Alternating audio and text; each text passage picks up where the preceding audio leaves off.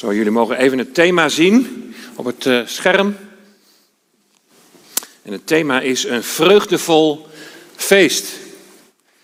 En dat plaatje, dat hebben jullie al eens een keer eerder gezien. Toen hebben we kinderen voorgesteld. En dat was in september, want toen was het Loofhuttenfeest. En ja, een vreugdevol feest, dat gaat dan ook inderdaad weer over dat Loofhutten. Ik heb er wel eens een keer eerder over gesproken. Maar deze keer een beetje in een andere context. Want ik wil graag de komende tijd met jullie stilstaan bij het leven van Jozef. En niet de Jozef van Maria, maar de Jozef uit Genesis 37.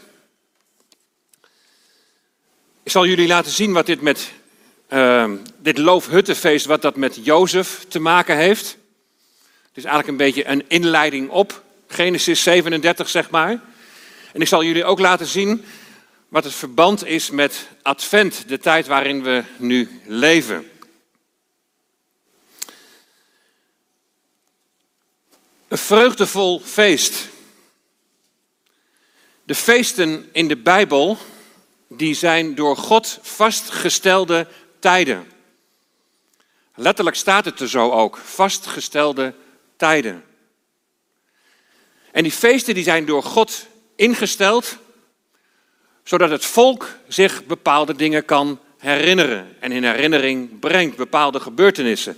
En je kunt over al die feesten kun je lezen in Leviticus 23. Precies op vastgestelde tijden zijn de vier voorjaarsfeesten vervuld in de komst van de Messias. En we lopen ze even langs. Pesach. Het bloed van het lam langs de deurposten, de uittocht uit Egypte. En dat is vervuld in de Heer Jezus, de Messias, die sterft. Allereerst voor de schapen van het huis van Israël, maar ook het lam voor ons geslacht. Waar we straks bij stilstaan als we de maaltijd met elkaar vieren. Het feest van de ongezuurde broden. Zuurdesem staat voor zonde. Jezus is ongezuurd. Hij is en hij was zonder zonde. Hij heeft allen die in hem geloven, Jood en Heiden, bevrijd van de macht van de zonde. En hij zal de goddelozen nog afwenden, goddeloosheden nog afwenden van Jacob, van Israël dus. Zo lees je dat in Romeinen 11, vers 26. De Messias vergeeft zonden. Het feest van de eerstelingen. Als Israëliet bracht je de eerste schoof, de eersteling, de eersteling van de oogst, die bracht je naar de tempel. En dat is vervuld in de Messias die opstaat uit de dood. Hij, de Heer Jezus, wordt eersteling genoemd. In 1 Korinthe 15 staat, zo zullen ook in Christus allen levend gemaakt worden Ieder echter in zijn eigen rangorde. Christus als eersteling. Daarna wie van Christus zijn bij zijn komst. Israël als volk zal nog uit de dood worden opgewekt en tot leven worden gebracht. Lees maar in Ezekiel 37 over het dal van de dorre doodsbeenderen. Eerst een nationaal herstel en daarna een geestelijk herstel. En dan het feest der weken, Shavuot, precies 50 dagen na het feest van de eerstelingen. Bij het feest van de eerstelingen ging het om de eerstelingen van de gerstenoogst. En bij dit feest gaat het om de eerstelingen van de tarweoogst. En dat is vervuld in de Messias die de Heilige Geest uitstort. Het Pinksterfeest. En hij heeft een belofte aan zijn volk gegeven: ik zal mijn geest in jullie binnenste geven. En een rest van dit volk zal dit ook in de toekomst nog gaan beleven. De vier voorjaarsfeesten zijn voor ons als gelovige Jood en Heiden zijn vervuld in de Heer Jezus Christus. En zal ook nog voor een rest van Israël straks ook in vervulling gaan. En dan de drie najaarsfeesten die nog voor iedereen in vervulling zullen gaan. De dag van het geschal, het bazuingeschal, Yom Teruah. Als je het hele testament zo doorleest en je kijkt waar de bazuin klinkt, dan staat dat altijd in relatie tot de dag des Heren die aan gaat breken.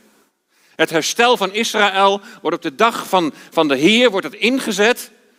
Maar door een tijd van, van Jacobs benauwdheid en strijd heen. Is dat feest dan ook het moment van de opname van de gemeente? Een periode van zeven jaar grote verdrukking? Zo heb ik het altijd geleerd. Maar bedenk wel dat iedere eindtijdvisie, die heeft zijn, zoals we dat noemen, zijn Achilleshiel. Daarmee bedoel ik, iedere visie is een interpretatie van teksten die je bij elkaar zoekt en daar trek je dan een conclusie uit. En iedere visie heeft zo zijn zwakke kanten. Kun je zo je vragen bijstellen, maar hoe zie je dan dit of dat? En die visies, ik merk, dat geeft nog wel eens wat, wat onderlinge strijd. Je bent zo overtuigd van dat het zo zal zijn, terwijl die ander denkt van ja, maar wacht even. Ik zet er toch wel een beetje anders in. En die strijd is niet de bedoeling. Weet je, als je al een conclusie trekt, verdiep je ook eens serieus in wat een ander denkt en respecteer elkaar in die mening. We hebben afgelopen donderdag en vrijdag een voorgangersconferentie meegemaakt. En uh, we hadden een onverwachte spreker, want er viel één spreker uit. En Joop Strietman die was onverwacht in ons midden. En hem werd gevraagd, zou jij dat misschien op kunnen vullen? En hij heeft het op zo'n bijzondere wijze gedaan. Maar daar, daar, hij wees zo heel duidelijk zo op de hoop die voor ons ligt, op dat einddoel. Hij zegt, er zijn heel veel tussenstations en ook allemaal hartstikke mooi. Maar uiteindelijk gaat het om die nieuwe hemel en die nieuwe aarde. Het gaat erom dat de Heer Jezus alles nieuw maakt. Daar gaat het om. En daar zien we met z'n allen naar uit. Het gaat niet om ons juiste stappenplan, maar het gaat om onze ontmoeting met de Heer Jezus. Dat is ons vooruitzicht. En dan komt grote verzoendag, Yom Kippur. De zoon des mensen zal komen op de wolken van de hemel met grote kracht en heerlijkheid. Zijn voeten zullen staan op de olijfberg. Zijn wederkomst. En zijn volk zal zich bekeren opdat het verzoend wordt met God. En dan het Loofhuttenfeest, het feest van vanmorgen, Sukkot. Dat zal vervuld worden in het aanbreken van het Messiaanse Rijk. Het vrederijk, het duizendjarig vrederijk.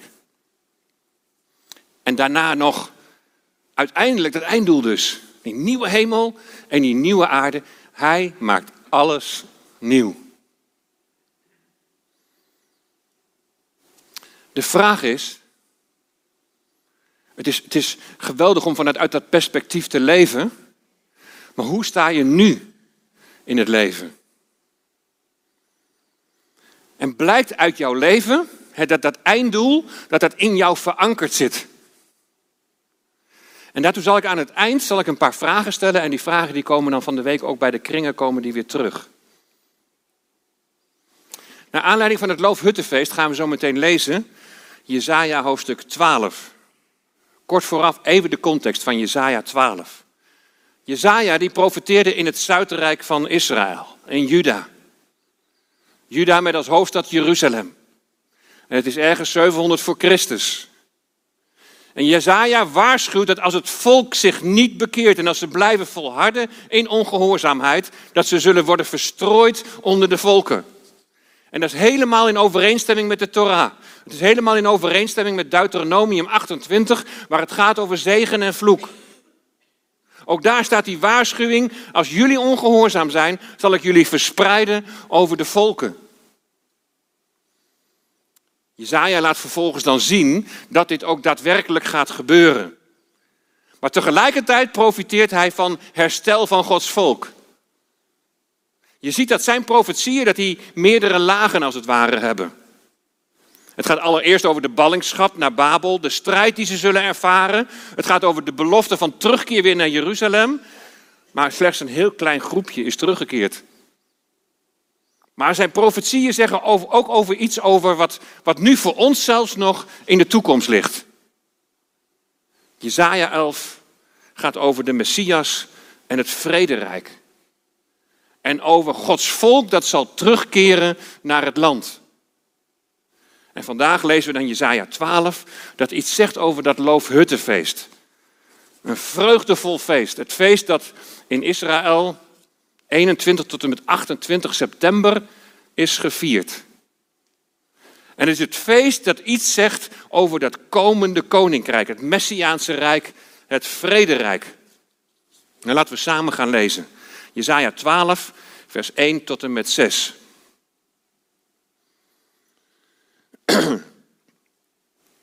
Op die dag, en dat is tijdens de terugkeer van het overblijfsel van Israël, op die dag zult u zeggen, ik dank u Heere, dat u toornig op mij geweest bent. Maar uw toren is afgekeerd en u troost mij. Zie, God is mijn heil. Ik zal vertrouwen en geen angst hebben. Want mijn kracht en psalm is de Heere Heere. En Hij is mij tot heil geworden. U zult met vreugde water scheppen uit de bronnen van het heil. Op die dag zult u zeggen, dank de Heere, roep zijn naam aan, maak zijn daden bekend onder de volken. Roep in herinnering dat zijn naam hoog verheven is. Zing psalmen voor de Heere, want hij heeft zeer grote dingen gedaan. En laat dit bekend worden over de hele aarde. Juich en zing vrolijk, inwoonster van Sion, want groot in uw midden is de heilige van Israël. En de tweede schriftlezing is uit het Nieuwe Testament.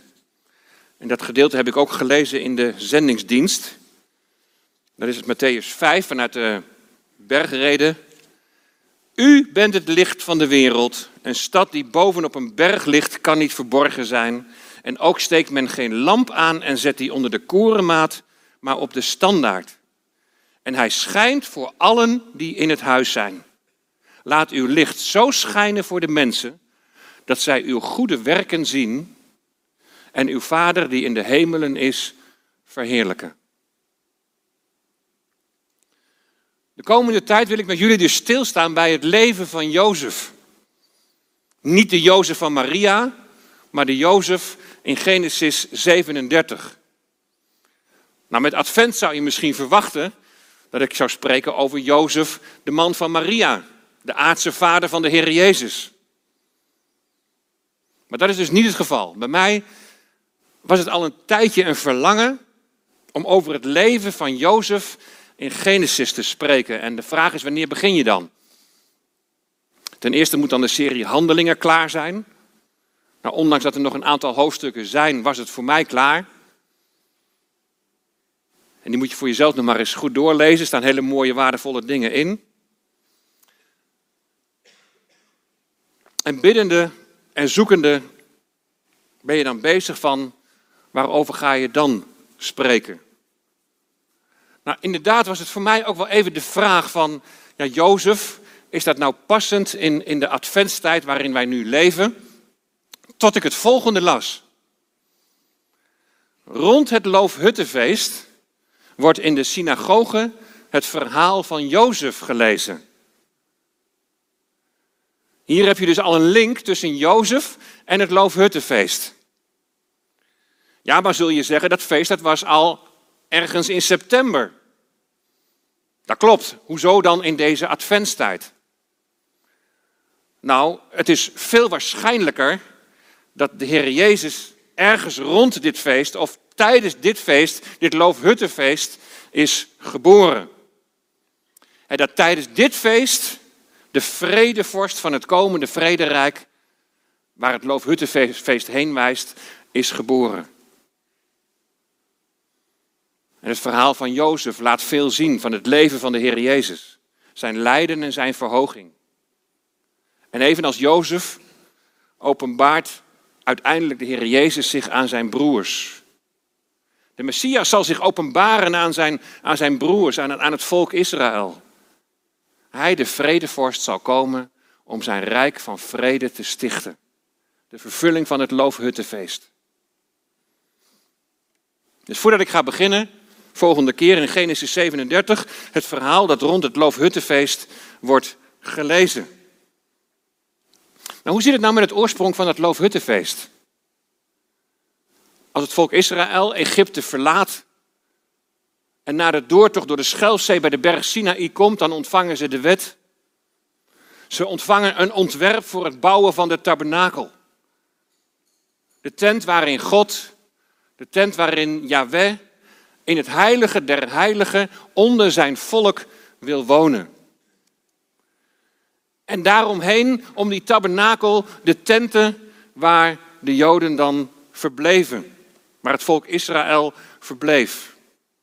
Als nu in onze tijd, in Israël, tijdens het Loofhuttenfeest, en mensen op hun balkon of in hun tuin een loofhut bouwen, is dat als herinnering aan de tocht door de Schelfzee. Als herinnering van de tocht door de woestijn. De loofhut bepaalt het volk bij haar kwetsbaarheid en haar afhankelijkheid van Yahweh. Precies zoals we dat ook zien in het leven van Jozef. En ook wij merken nu dat we kwetsbare mensen zijn in de tijd waarin we nu leven. En misschien ervaar je het ook wel als een woestijntocht. Maar dan herinnert dit feest eraan van Hij is erbij. Yahweh is aanwezig. Hij trekt met ons op en Hij gaat voor ons uit. De loofhut herinnert het volk dat Yahweh in hun midden is. Zo was hij ook bij Jozef in de woestijnperiode van zijn leven. En ik hoop dat je diezelfde ervaring hebt. Hoe sta je in het leven? En hoe ga je om met tegenslag? De vragen komen straks aan het eind. In de tijd dat de Heer Jezus hier op aarde was, in de tijd dat de tempel dus nog niet verwoest was, werd het loofhuttenfeest door twee rituelen gekenmerkt. S'avonds dan werd het tempelplein werd schitterend verlicht. Het werd verlicht met grote kandelaars. Er werden fakkels in de voorhoven van de tempel geplaatst. Een waar lichtfeest dus. Maar er is op dit moment ook een lichtfeest gaande. Het Chanukka. Een feest dat niet God heeft ingesteld. Maar in de tijd van de Heer Jezus werd ook dat Chanukka-feest werd al gevierd. Het feest van de inwijding van de tempel. In 165 voor Christus werd Jeruzalem heroverd op de Seleuciden. Onder leiding van Judas de Maccabeer. De tempel moest worden gereinigd, want er was een beeld opgericht voor Zeus en er werd geofferd met varkens.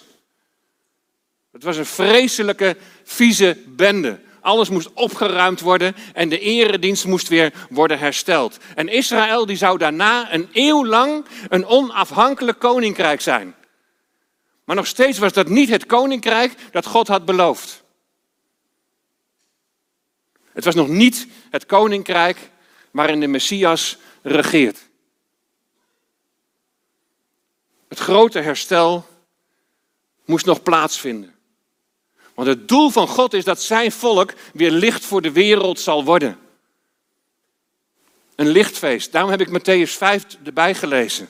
Daar zegt Jezus tegen zijn Joodse discipelen: U bent het licht van de wereld.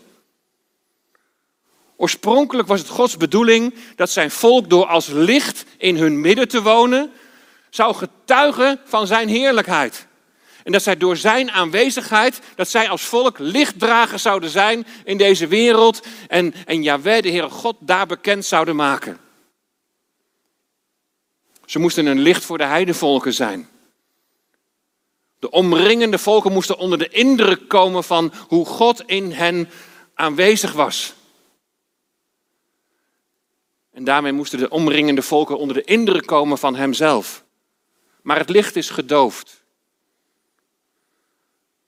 We hebben het nu dus over een ander, over Gods volk, over Israël. Maar wat is onze uitstraling als gemeente van Jezus Christus? Wat is, wat is jouw uitstraling in het besef dat Gods geest in jou woont? Dat zijn licht in jou aanwezig is?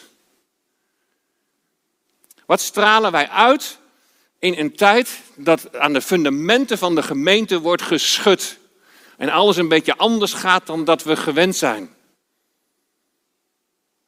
Door afgoderij, door overspel heeft Gods volk het verbond verbroken. En het is een volk geworden dat in duisternis wandelt. Maar wat schrijft Jezaja dan in hoofdstuk 9? Het volk dat in duisternis wandelt, zal een groot licht zien. Zij die wonen in het land van de schaduw van de dood, over hen zal een licht schijnen. U hebt dit volk talrijk gemaakt. Hebt u niet de blijdschap groot gemaakt? Ze zullen blij zijn voor uw aangezicht, zoals men zich verblijdt bij de oogst. En weet je, hier zie je de kenmerken van het Loofhuttenfeest. Licht, blijdschap en oogst. Het volk zal een groot licht zien. Hebt u niet de blijdschap groot gemaakt, zoals men zich verblijdt bij de oogst, als er binnen wordt gehaald. Het Loofhuttenfeest, dat is het feest van de grote blijdschap. Het feest van de vreugde. En het wordt vervuld in het licht dat komt. Vervuld in de Messias. De koning die komt om te regeren. En, hij zal, en het zal leiden tot geestelijk herstel van het volk. Het zal leiden tot oogst. Er zal binnen worden gehaald. Dan zullen zij weer licht van de wereld zijn. Omdat Gods licht op hen schijnt en in hen schijnt. Zijn volk zal haar Messias ontmoeten. En ze zullen van hem getuigen in deze wereld. Ze zullen in hun roeping en in hun taak zullen ze worden hersteld. Het tweede ritueel tijdens het leven van Jezus, tijdens het Loofhuttenfeest, naast dat licht, dat is het volgende. Het feest duurde in totaal acht dagen. En de achtste dag gold als hoogtepunt. Dan ging in Jeruzalem de hele meute feestgangers, die ging naar de bron van Siloam.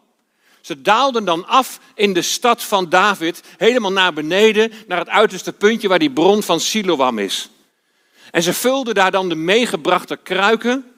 En ze trokken dan in een lange optocht weer opwaarts door de stad van David heen naar het tempelplein. Nou, we zijn regelmatig met mensen uit de gemeente in Israël geweest. En een van de hoogtepunten vond ik altijd de stad van David. Een stad die je niet zo kunt zien, maar die helemaal uitgegraven wordt onder een Arabische wijk. Heel fascinerend. Onderin vind je dan nog een restant van de Siloambron, waar dus dat water werd geschept. En dan kun je net als de Israëlieten kun je een weg naar boven bewandelen richting de tempel. In ons geval dan richting de klaagmuur. En je ziet links zoals het eruit gezien moet hebben. En rechts de smalle doorgang waar wij door naar boven gingen. Nou, die doorgang die is inmiddels al veel breder. Dus kunnen haast niet wachten om weer naar Israël te gaan, want dat willen we natuurlijk zien. Maar dat is echt prachtig hoe dat allemaal aangelegd wordt. En aangekomen op het tempelplein werd dan het water werd uitgegoten zo in twee schalen die naast het brandofferaltaar stonden. En een priester die sprak daarbij de woorden uit Jesaja 12 vers 3. U zult met vreugde water scheppen uit de bronnen van het heil. Een rabbijns gezegde uit die tijd die luidde: wie de vreugde bij de waterprocessie niet heeft meegemaakt, die heeft in zijn leven nog nooit vreugde gezien. Maar zie je hier de overeenkomst met Jesaja 12? En je ziet in vers 1 dat er eerst een tijd is van Gods toren. En dat staat op de tijd in Babel. Het wijst ook op de tijd van Jacobs benauwdheid. Maar dan komt er een ommekeer. Er komt, een, er komt bij de wederkomst van de Heer Jezus een geestelijk herstel van Israël. En ze roepen het uit in vers 2. Zie, God is mijn heil. Hij is mijn verlossing. Ik zal vertrouwen en ik zal geen angst meer hebben. Want mijn kracht en psalm is de Heere, Heere. Wat een geweldige getuigenis. Kun je hetzelfde uitroepen? God is mijn verlossing. Hij heeft mij gered, mij verlost door het bloed van de Heer Jezus. En kun je zeggen van ik zal, geen vertrouwen, ik zal vertrouwen hebben en geen angst meer hebben. Ook juist in een tijd waarin alles zo anders gaat dan anders. En er misschien wat tegenslagen zijn. Maar ik zal vertrouwen. Juich en zing vrolijk, inwoonster van Sion, inwoonster van, van, Jeruzalem. Want, dan komt de reden, groot in uw midden is de heilige van Israël. Hij in het midden van zijn volk, hij bij en in jou. Reden tot vreugde en grote blijdschap. Met vreugde water scheppen, zoals dat gebeurde tijdens het Loofhuttenfeest. En dat water heeft betekenis voor het herstel van het volk Israël in de toekomst. Over dat geestelijke herstel en over de rol van water kun je lezen in Ezekiel. Ezekiel 36. Ik zal u uit de heidevolken halen en u uit alle landen bijeenbrengen. Dan zal ik u naar uw land brengen. Ik zal rein water op u sprenkelen en u zult rein worden. Van al uw onreinheden en van al uw stinkgoden zal ik u reinigen. Dan zal ik u een nieuw hart geven en een nieuwe geest in uw binnenste geven. Ik zal het hart van steen uit uw lichaam wegnemen en een hart van vlees geven. Dat is een harttransplantatie. Ik zal mijn geest in uw binnenste geven. Ik zal maken dat u in mijn verordeningen wandelt en dat u mijn bepalingen in acht neemt en ze houdt. U zult wonen in het land dat ik uw vaderen gegeven heb. U zult een volk voor mij zijn en ik zal een God voor u zijn. Zie je weer dat laatste? Ik zal een God voor u zijn. Ik zal in uw midden zijn. Ik ben realiteit. Het kenmerk van het Loofhuttenfeest. En hier zie je in Hezekiel 36 het herstel van Israël. Het is tijdens dit Loofhuttenfeest dat de Heer Jezus zegt: Wie in mij gelooft, stromen van levend water zullen uit zijn binnenste vloeien. Met andere woorden, wie in mij gelooft, ontvangt de Heilige Geest. Ik zal mijn geest in jullie binnenste geven, is de belofte. Allereerst de belofte voor zijn volk. En waar zorgt die Heilige Geest voor? Dan moet je in Ezekiel verder gaan lezen. Ezekiel hoofdstuk 47. Als bij de aanvang van het koninkrijk voor Israël het Loofhuttenfeest wordt gevierd, en als het water dan naar boven wordt gebracht, dan wordt het uitgestort zo op en rondom het altaar. En wat gebeurt er dan? Dan zal dat water uit de tempel wegstromen, wegvloeien naar het oosten. Een stroom van water die steeds dieper wordt. Misschien kun je dat wel herinneren van eerst tot, aan de heupen en dan, of eerst tot aan de knieën, tot aan de heupen en dan steeds verder. Het water wordt steeds dieper en het water stroomt naar de Dode Zee. En wat gebeurt er? De Dode Zee komt tot leven. En dat is wat de Heilige Geest wil doen, ook in jouw leven. De Heilige Geest die brengt leven en vrucht voort. Arjen begon met zijn inleiding vanmorgen. Leven dicht bij de Heer. Leven in afhankelijkheid van Hem. Het is de Heilige Geest die leven voortbrengt en leven dicht bij Hem. In afhankelijkheid van Hem. Hetzelfde lees je in Zacharia 14, vers 8 en 9. Op die dag dan zal het geschieden dat er levend water vanuit Jeruzalem zal stromen. De ene helft ervan naar de zee in het oosten, dat is de Dode Zee. En de andere helft ervan naar de zee in het westen, de Middellandse Zee. Zomers en winters zal het plaatsvinden. De Heere zal koning worden over heel de aarde. Op die dag zal de Heere de enige zijn en zijn naam de enige. Zie, daar gaat het naartoe. Hij zal koning zijn. Hij maakt alles weer nieuw. De volken zullen vervolgens naar Jeruzalem optrekken om het Loofhuttenfeest te vieren, om daar samen voor de koning te buigen. Op die dag zal Gods volk opnieuw het licht van de volken zijn. En zullen ze getuigen van Gods grote daden. Dat hebben we gelezen in Jesaja 12, vers 4. Op die dag zult u zeggen, dank de Heere, roep zijn naam aan. Maak zijn daden bekend onder de volken.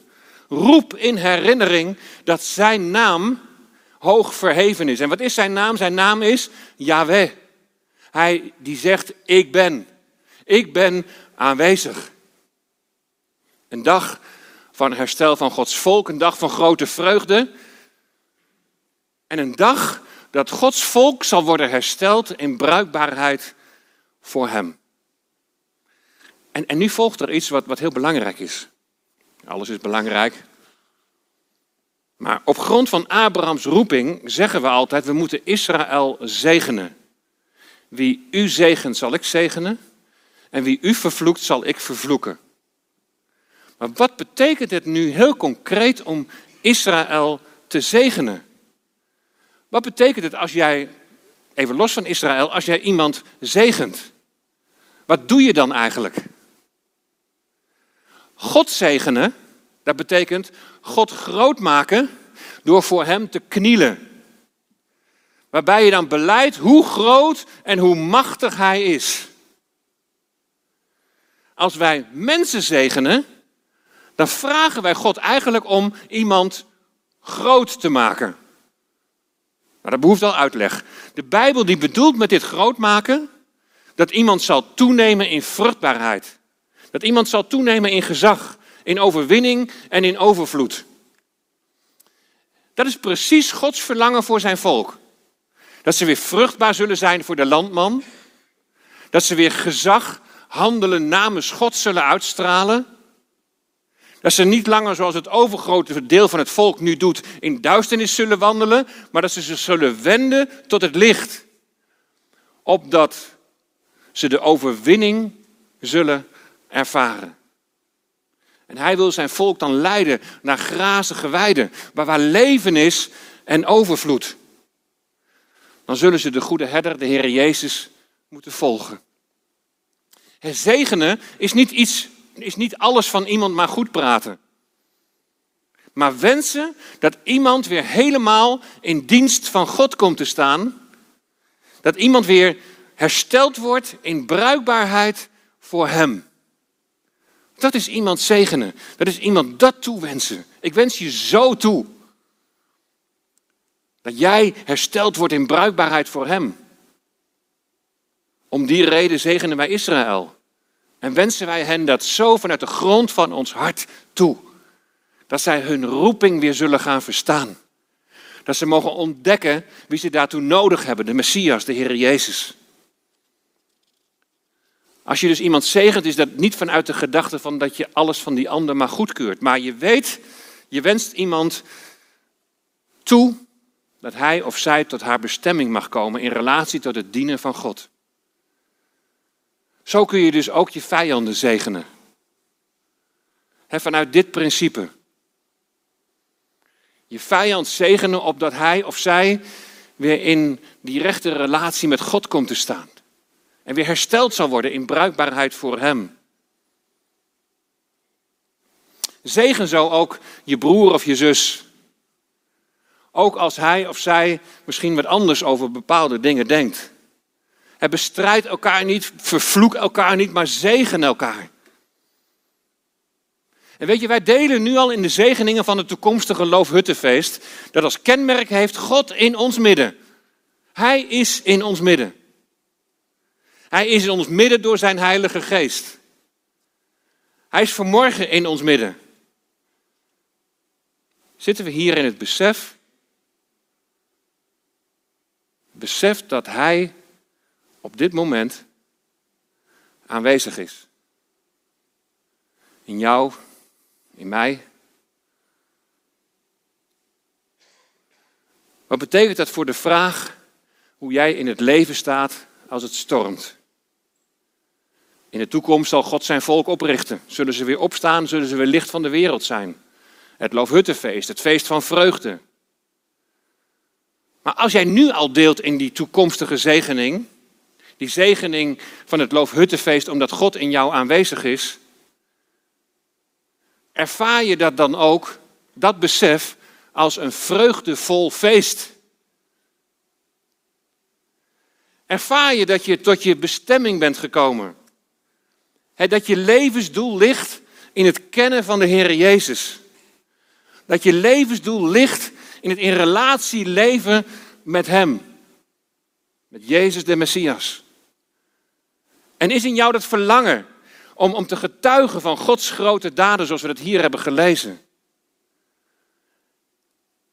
Is daar het verlangen dat zijn geest in jou jou gaat vormen en kneden naar het beeld van de Heer Jezus? De komende tijd zullen we het beeld van Jozef voorgeschoteld krijgen, waarbij we lijnen kunnen doortrekken naar de Heer Jezus.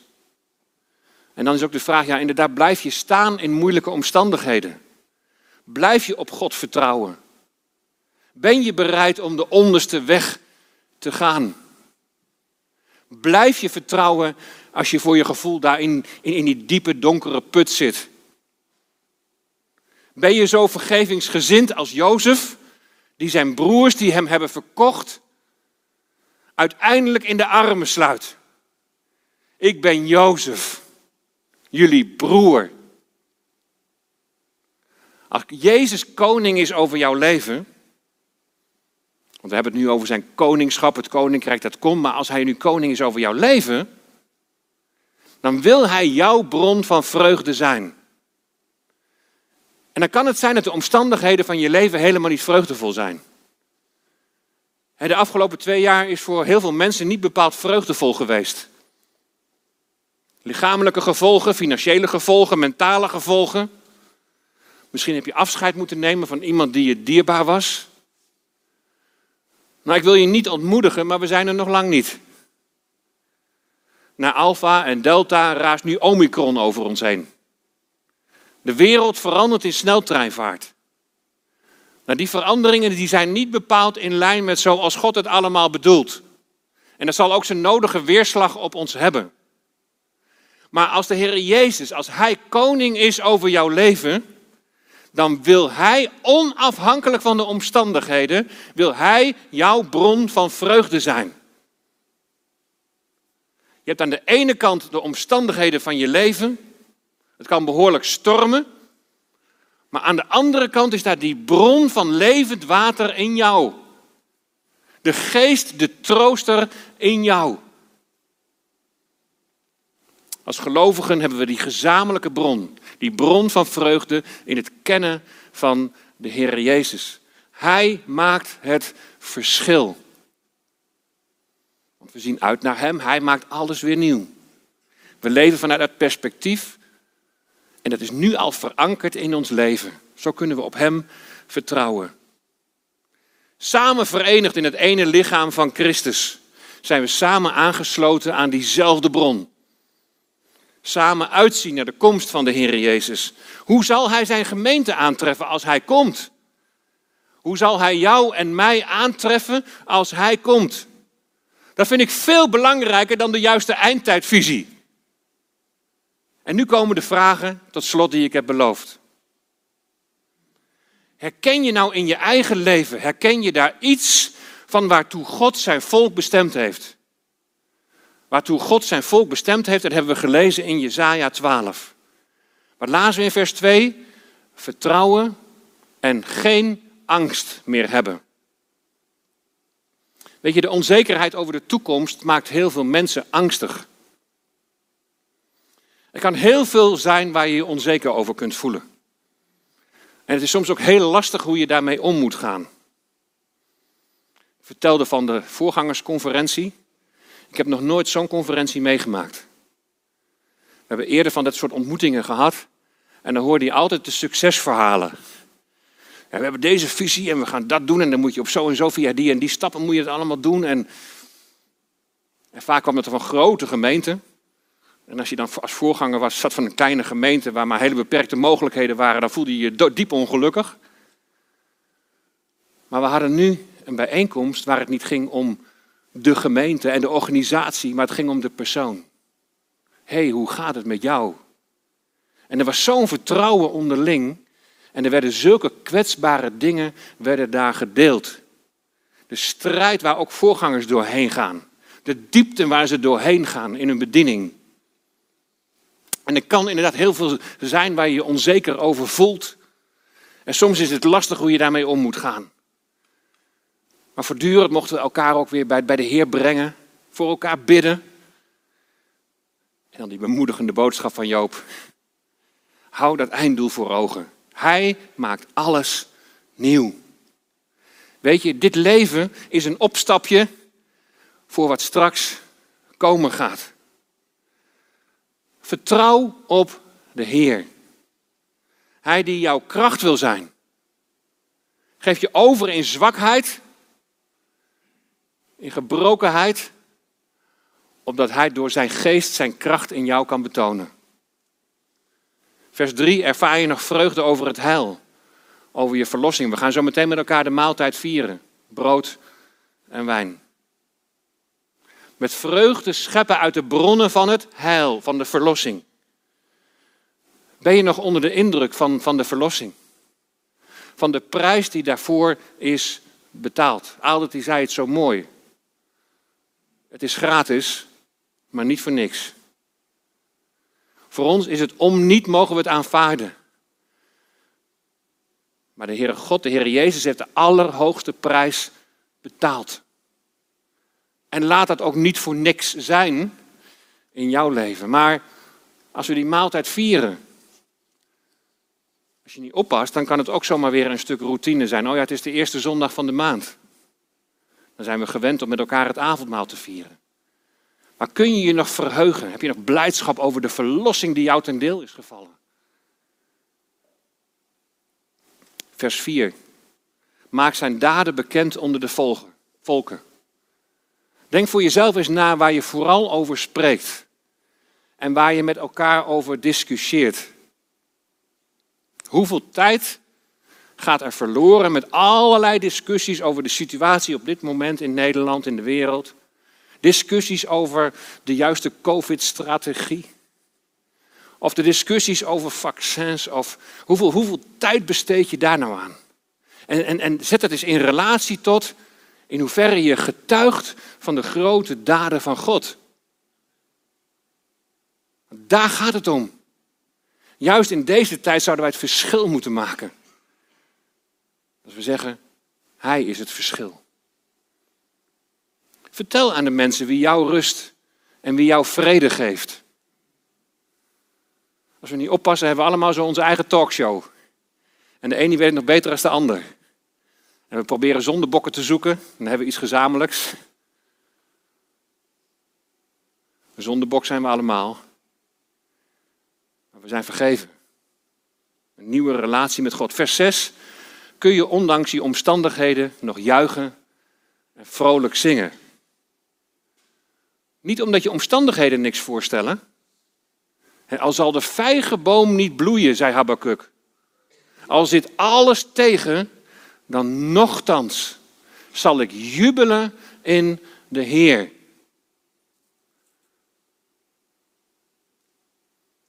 Als je dat niet lukt, moet je toch eens proberen. Het maakt verschil. In Psalm 16, vers 11 staat dat er vreugde is bij zijn aangezicht. Met je omstandigheden verschijnen voor zijn aangezicht. Heren, hier is het. En als je voor Gods aangezicht staat, ook dat besef is heel belangrijk, dan mag je beseffen, daar sta ik niet alleen. We staan samen voor het aangezicht van God. En als één lid leidt, als Albert en, en, en Nienke lijden op dit moment, dan leiden alle leden mee. Want we voelen ons met elkaar verbonden. We zijn samen in dat ene lichaam. Samen in eenheid voor zijn aangezicht. Hij zal straks regeren op aarde. Hij zal zijn koninkrijk vestigen. Maar hij wil nu, wil hij al regeren in jouw hart.